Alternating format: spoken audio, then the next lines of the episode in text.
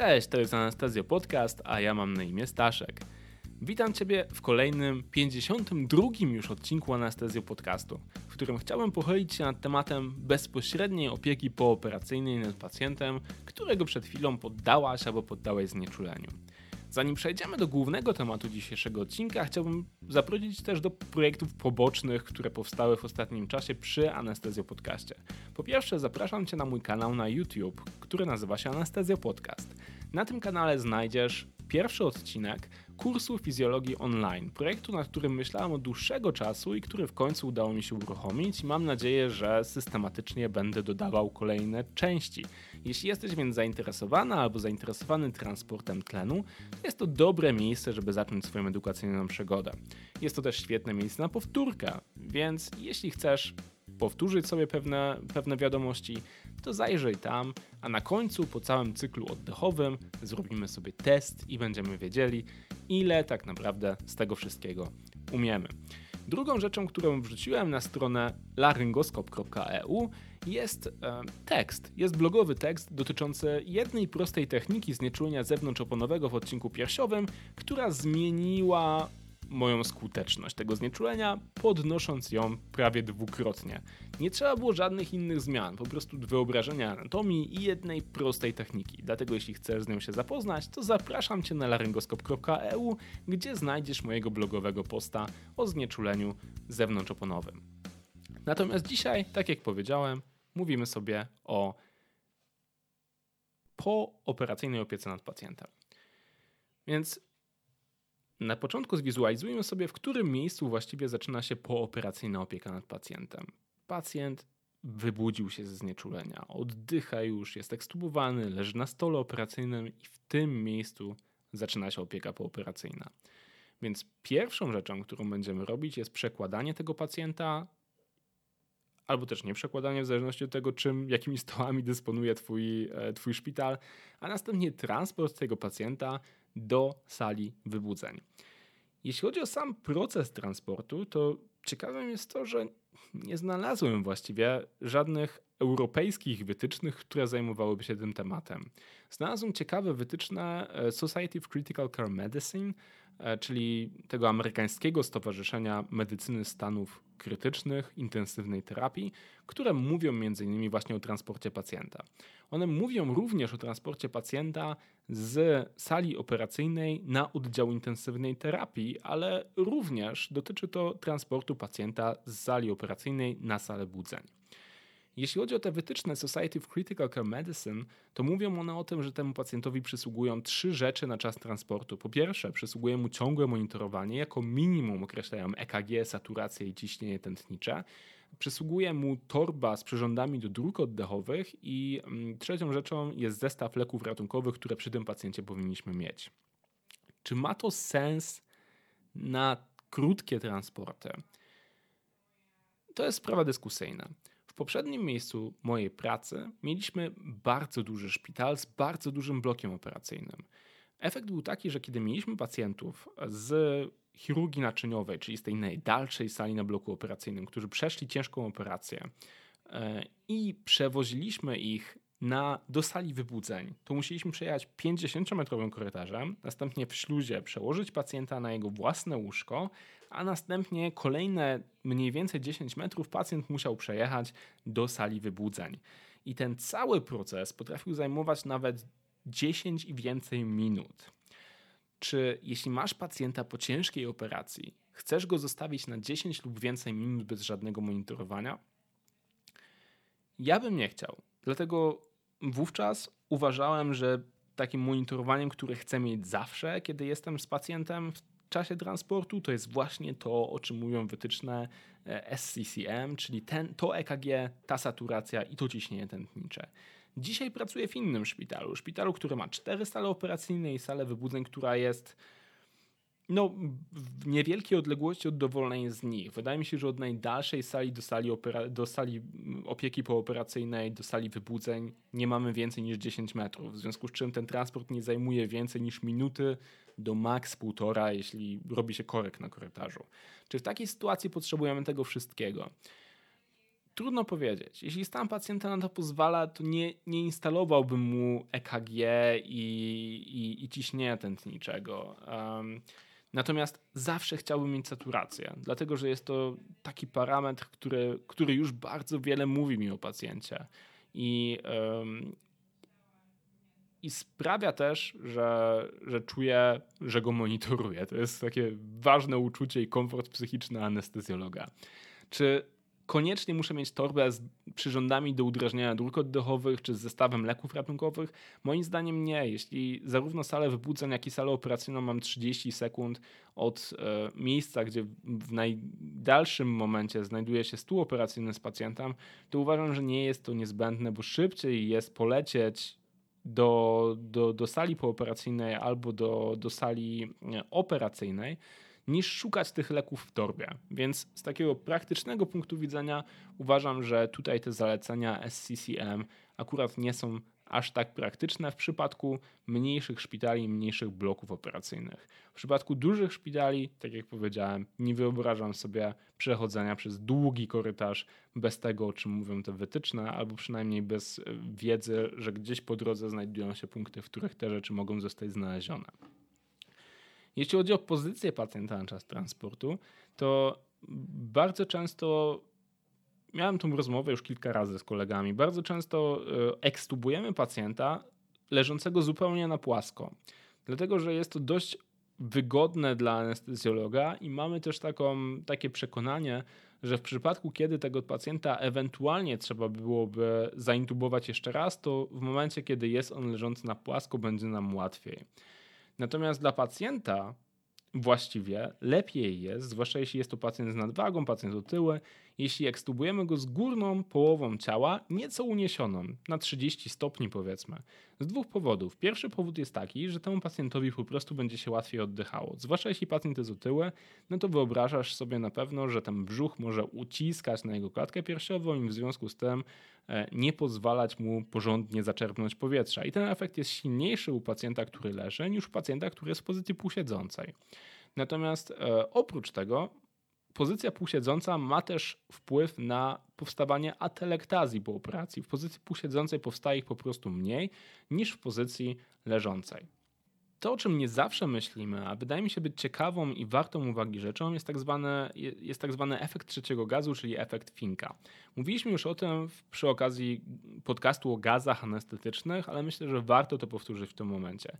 Jeśli używamy do znieczulenia podtlenku azotu, to podtlenek azotu wchłania się z pęcherzyków płucnych szybciej niż inne gazy, w związku z czym sprawia, że te gazy, które pozostają w pęcherzyku płucnym, mają relatywnie wyższe stężenie i po, po, pozwalają szybsze, szybciej wprowadzić e, do znieczulenia. Natomiast jeśli wyprowadzamy pacjenta ze znieczulenia, to mamy odwrotność tego efektu Finka, odwrotność tego efektu trzeciego gazu. I polega to na tym, że ten podtlenek azotu dostaje się szybko z krwi do pęcherzyka płucnego, rozrzedzając gazy, które znajdują się w tym pęcherzyku. Więc wyobraź sobie teraz, że pacjent oddycha 21% tlenem i do pęcherzyka płucnego dostaje się dodatkowo z krwi podtlenek azotu. Efekt jest taki, że y, rzeczywiste stężenie tlenu w pęcherzyku płucnym będzie wynosiło na przykład już nie 21, a 15%. I wiemy o tym, że 15% to jest trochę za mało, żeby utrzymać odpowiednią oksygenację u pacjenta. W związku z tym, jeśli prowadzisz znieczulenie z użyciem podtlenku azotu, to są dwa wyjścia. Pierwsze wyjście jest takie, transportuj pacjenta z suplementacją tlenu. Drugie wyjście jest takie, daj temu pacjentowi wystarczająco dużo czasu, żeby ten tlen mu się, żeby ten, przepraszam, żeby ten podtlenek azotu w całości wydzielił mu się do pęcherzyków płucnych, zanim z pacjentem ruszysz dalej. Kolejną sprawą jest, kiedy już przejedziemy z tym pacjentem przez korytarz, był zamonitorowany albo nie, mierzyliśmy mu saturację albo nie, ale do, dojeżdżamy do sali wybudzeń, to tam jest ten krytyczny moment, który jest momentem przekazania pacjenta przez lekarza czy przez personel, który zajmował się pacjentem w czasie operacji, personelowi, który będzie zajmował się pacjentem po operacji. Czytałem takie bardzo interesujące badania to było mniej więcej dwa lata temu, kiedy dorwałem się do tego artykułu i chyba nie byłbym w stanie już go znaleźć, ale strasznie mnie to zaciekawiło. To były takie badania, które porównywały stopień czy, czy ryzyko powstania wszystkich komplikacji okołooperacyjnych u pacjenta w zależności od, i uwaga, liczby przekazań pacjenta między personelem w czasie jego całego, całej przygody takiej okołooperacyjnej.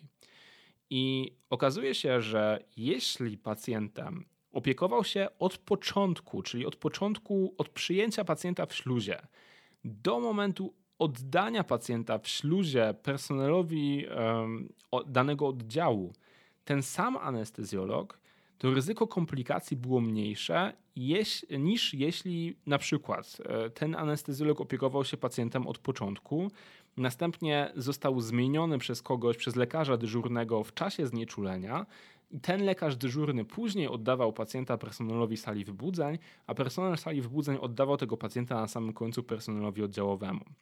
Okazuje się, że każde jedno przekazanie, które miało miejsce w czasie opieki nad pacjentem, realnie zwiększało ryzyko komplikacji. Dlaczego? Dlatego, że jesteśmy do kitu w przekazywaniu pacjentów nie mamy, nie jesteśmy szkoleni w tym, żeby robić to w sposób ustrukturyzowany. Więcej, mam wrażenie, że nie jesteśmy szkoleni w tym, żeby robić to w ogóle.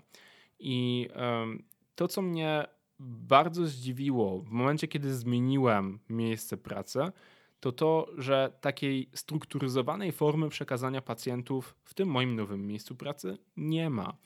E, zdziwiło mnie to o tyle, że w tym pierwszym miejscu, w którym zaczynałem swoją pracę jako anestezjolog, kładziono na to, na to ogromny nacisk.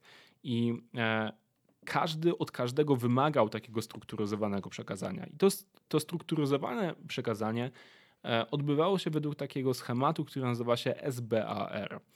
SBAR, czyli Situation, Background, Assessment i Recommendation. Situation, czyli z czym właściwie w tej chwili mamy do czynienia. Na przykład 68-letni pacjent po operacji e, amputacji przodostopia. Background, czyli wszystko, co w tle dotyczy tego pacjenta, jego istotne choroby, z którymi on przychodzi, albo istotne leki, które zażywał w domu. Na przykład pacjent, który jest na koagulacji, e, na antykoagulacji, jego INR przed zabiegiem wynosił 2,0, zabieg jest zrobiony ze wskazań nagłych, oprócz tego pacjent choruje na cukrzycę typu drugiego ins e, leczoną insuliną i choruje na ciśnienie tętnicze, stan po dwóch zawałach serca. To, to są wszystko informacje, które istotnie mają wpływ na to, jaka, jak, jak będziemy znieczulać tego pacjenta, prawda? Ale też jak powinniśmy się nim opiekować, jak, na co zwrócić uwagę w sali wybudzeń. Trzeci punkt to jest assessment, czyli co w tej chwili u tego pacjenta widzę, co wybadałem, na co zwracam uwagę. E, na przykład, jaka jest e, obecna saturacja, jak to się zmieniało w ostatnim czasie, jaki jest ostatni zmierzony cukier, jaka jest gazometria, którą pobrałem jako ostatnią i tak dalej, i tak dalej. I ostatnie, czyli recommendation, czyli co zalecałbym, żeby temu pacjentowi zrobić. I ja wiem, że to jest trudno, żeby sobie takie przekazanie danym schematem wyćwiczyć. Wiem też, że jest trudno w ogóle rozmawiać przy przekazaniu pacjenta, bo czasami personel przyjmujący będzie miał opór przed tym, żebyśmy coś tam mu więcej mówili i dostaniemy informację dobra, dobra, dobra, już spoko, jest pacjent, spoko. Natomiast nie, nie spoko. No to jakby naszym zadaniem jako anestezjologów, jako jak chcemy się dumnie nazywać specjalistów medycyny okołooperacyjnej, jest to, żeby w okresie okołooperacyjnym, czyli również po operacji, po znieczuleniu, ten pacjent był optym, miał optymalną opiekę. I moim zdaniem porządne przekazanie pacjenta to jest pierwszy krok do tego, żeby ten pacjent porządną opiekę miał. Więc e, ten schemat, którego ja się nauczyłem, nie jest on jedyny, są też inne, ale myślę, że on jest warty uwagi. E, Zamieszczę ten schemat również w notatkach do, do, tego podcastu. Nie zdążyłem przygotować na dzisiaj, ale w tym tygodniu jeszcze, czyli no myślę, że do 1 maja najpóźniej 2020 roku, te notatki znajdą się przy tym odcinku podcastu na stronie internetowej laryngoskop.eu i tam dokładnie opiszę też przekazanie według metody SBAR, którą, tak jak mówię, bardzo mocno polecam. Jeśli chodzi o salę nadzoru poznieczuleniowego, to z czystej ciekawości pozwoliłem sobie zobaczyć, co jest o tym napisane w tak zwanym prawodawstwie. I prawo mówi nam e, o rzeczach następujących. Po pierwsze, mówi nam o tym, że w bezpośrednim okresie pooperacyjnym tego pacjenta się w sali nadzoru poznieczuleniowego umieszcza. Po drugie, mówi nam o tym, co na tej sali powinno być, czyli że powinniśmy móc obejrzeć sobie pacjenta albo przynajmniej widzieć go w kamerach i mówi nam o tym, że powinien tam być wózek reanimacyjny, zestaw do konikotomii, defibrylator, respirator i elektryczne urządzenie do ssania. I to jest wszystko, co musi być w sali nadzoru poznieczuleniowego. Natomiast e, jakby te przepisy, które w tej chwili obowiązują, nie mówią nam właściwie nic o tym, jak długo mamy pacjenta w tej sali obserwować i kiedy możemy go z tej sali wypisać. Więc e, pozwoliłem sobie zgłębić trochę literaturę i powiedzieć Wam o tym, jak to wygląda w e, praktyce, ale też w teorii w różnych miejscach. Więc po pierwsze, ten, ta opieka nad pacjentem w sali nadzoru poznieczuleniowego jest podzielona w literaturze na dwie fazy. Jest to faza pierwsza, czyli złożona głównie z powrotu pacjenta do siebie, czyli on wraca do siebie ze znieczulenia, jego wartości parametrów mają mają ustabilizować się w okolicach normy sprzed operacji i wtedy mówimy o tym, że ta faza pierwsza jest zakończona. I w tej fazie pierwszej mamy e, kilka rzeczy, które są naszym zadaniem jako personelu anestezjologicznego pracującego w sali nadzoru poznieczuleniowego. Po pierwsze, powinniśmy zrobić pierwsze takie badanie tego pacjenta i ocenę tego pacjenta. Sprawdźmy, ile tlenu potrzebuje, jakie ma leki przeciwbólowe, jakie leki przeciwwymiotne, przeprowadźmy leczenie hipo albo hipertermii, która mogła rozwinąć się w czasie operacji. Zobaczmy, jak wyglądają opatrunki, które zrobili chirurdzy, czy one nie przeciekają. No i w tym momencie powinno się też udokumentować stan mentalny pacjenta. I tutaj odsyłam do poprzedniego odcinku e, podcastu o delirium, ponieważ tam było powiedziane, że w wytycznych Europejskiego Stowarzyszenia Anestezjologicznego jest jasno powiedziane, że pierwsza ocena pacjenta w kierunku delirium następuje jeszcze przed wypisaniem pacjenta z sali nadzoru pooperacyjnego. I tutaj też powinniśmy napisać sobie w dokumentacji, w jakim stopniu powróciły funkcje neurologiczne pacjenta po znieczuleniu podpajęczynówkowym albo zewnątrzoponowym. Dalej. Tutaj w tej fazie pierwszej Wracamy do standardowych wartości docelowych. Standardowo mówimy o tym, że tętno pacjenta i ciśnienie tętnicze pacjenta powinno być w, w zakresie plus minus 20% od wartości początkowych, saturacja w okolicy wartości wyjściowych, częstość oddechów również i to powinniśmy oceniać najpierw co 5 minut przez pierwsze 15 minut, a później co 15 minut do końca fazy pierwszej. Czyli kiedy wchodzicie do sali wybudzeń, widzicie, że że ciśnienie jest ustawione na pomiar co godzinę albo co pół godziny, to jest to za rzadko. Tak? Na samym początku to powinno być co 5 minut, a dopiero później możemy mierzyć co 15 i dokumentować co 15. I e, trzecia rzecz, która jest do zrobienia, to jest rozpoznanie komplikacji pooperacyjnych. I na główne komplikacje, które, które możemy rozpoznać w tej fazie, e, są następujące. Jest to PONW, czyli pooperacyjne nudności i wymioty których częstość wynosi około 10% w sali wybudzeń, a bez stosowania profilaktyki jest to nawet 30%. I chciałem ponownie zmieścić jeszcze w tym podcaście, ale mamy już 20 minut na liczniku, więc myślę, że nie będę tego robił. I, e, i zajmiemy się tym w jednym z następnych odcinków podcastu, bo jest to ogromny problem. 30% bez profilaktyki, co trzeci pacjent będzie, będzie miał nudności albo będzie żygał, to jest strasznie dużo i musimy z tym walczyć. Możemy z tym walczyć i zajmujmy się tym, więc tak, jeden z następnych odcinków podcastu będzie o tym, jak komuś jest niedobrze i jak sobie żyga. Inna, e, inne komplikacje, które mogą się pojawić, są komplikacje z górnych dróg oddechowych i tutaj częstość to jest około 7%. Natomiast no, są to bardzo różne komplikacje, prawda? Wiadomo, że częstsze będą one w populacji pacjentów, którzy są na przykład po zabiegach laryngologicznych, niż w populacji pacjentów, którzy mieli zrobioną, nie wiem, którzy mieli wstawioną płytkę do nogi w znieczuleniu podpajeczynówkowym. Także e, ta częstość myślę, że tutaj jest, e, że tutaj dotyczy chyba znieczulenia ogólnego. E, zaburzenia ze strony układu krążenia. Na przykład hipotensja, na przykład dysrytmie, na przykład hipertensja, na przykład zawał serca, okołooperacyjny zawał serca. Cały podcast, który zrobiłem o okołooperacyjnym zawale serca i, e, i jestem bez niego bardzo zadowolony. To była bardzo dobra podcastowa robota. Zapraszam Cię do tego, żebyś zapoznał się albo zapoznała się też z tym odcinkiem podcastu, bo jest on super istotny. Około operacyjny zawał serca. Nie pamiętam, który to był odcinek, ale napiszę, załączę linka w opisie do tego podcastu.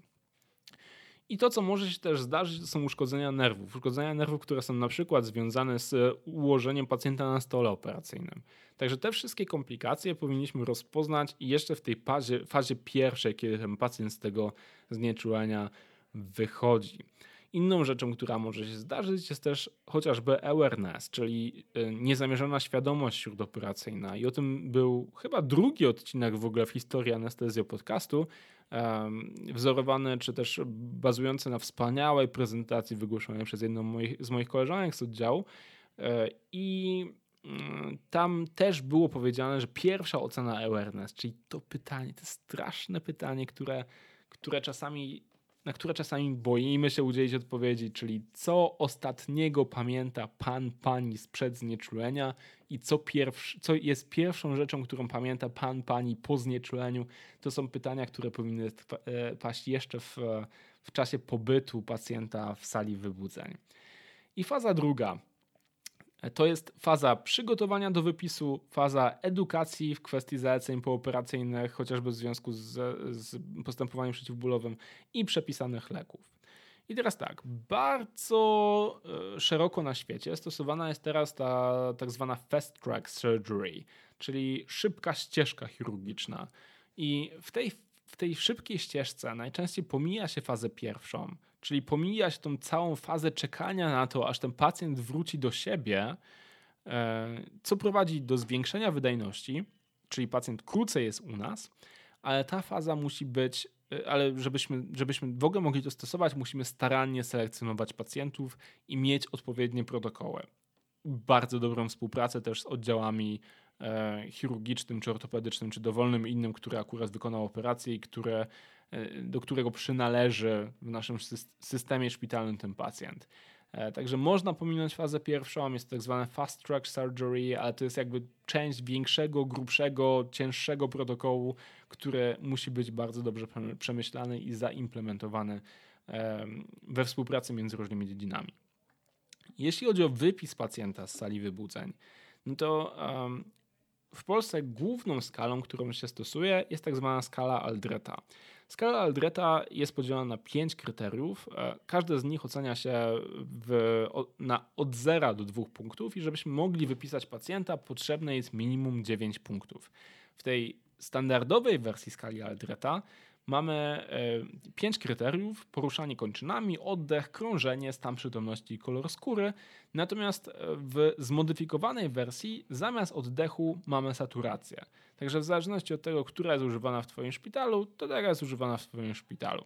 I tak jak mówiłem, 9 punktów pozwala tego pacjenta wypisać, ale nie od razu, ponieważ musimy oceny dokonać dwa razy w ciągu, z przerwą nie dłuższą niż 30 minut i wtedy dopiero po drugim razie, kiedy e, punktacja w skali Aldreta wynosi, wynosi co najmniej 9, pacjent może zostać wypisany i dopiero dla takiego postępowania ta skala została zwalidowana, czyli e, jakby nie ma dowodów na to, że jednokrotna dziewiątka w skali Aldreta pozwala nam wypisać pacjenta bezpiecznie, natomiast dwukrotna dziewiątka w skali Aldreta w odstępie maksymalnie 30 minut, raczej zwykle 15, jakby pozwala wypisać tego pacjenta i zwykle wszystko jest w porządku.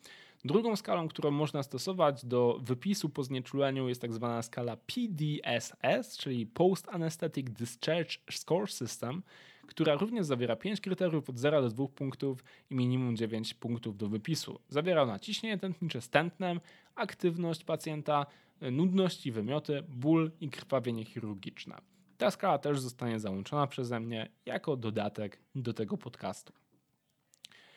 I tak jak mówiłem, kilka rzeczy jest jeszcze do omówienia w zakresie tej opieki pooperacyjnej. Dzisiaj omówiliśmy więc tylko te podstawowe rzeczy, które związane są z pobytem pacjenta na sali wybudzeń, z przekazaniem tego pacjenta i z transportem pacjenta na stale wypłuceń. Jeśli chodzi o pozostałe rzeczy, które chciałem dzisiaj omówić, ale no z czasem żeglujemy już do końca, no to jest to multimodalna analgezja, która może być stosowana też z wyprzedzeniem. Są to komplikacje natury neuropsychiatrycznej po znieczuleniu i jest to fizjologia i występowanie pooperacyjnych nudności i wymiotów. I obiecuję Wam, że tym zajmę się w jednym z kolejnych odcinków anestezją podcastu. Nie w najbliższym, bo najbliższy za dwa tygodnie to jest anestezjologiczna prasówka. Nawet nie w następnym, bo następny to jest niespodzianka w formie wywiadu ale w jeszcze następnym, czyli pewnie gdzieś pod koniec maja, będziemy mieli fajny odcinek, który będzie dotyczył właśnie tych rzeczy.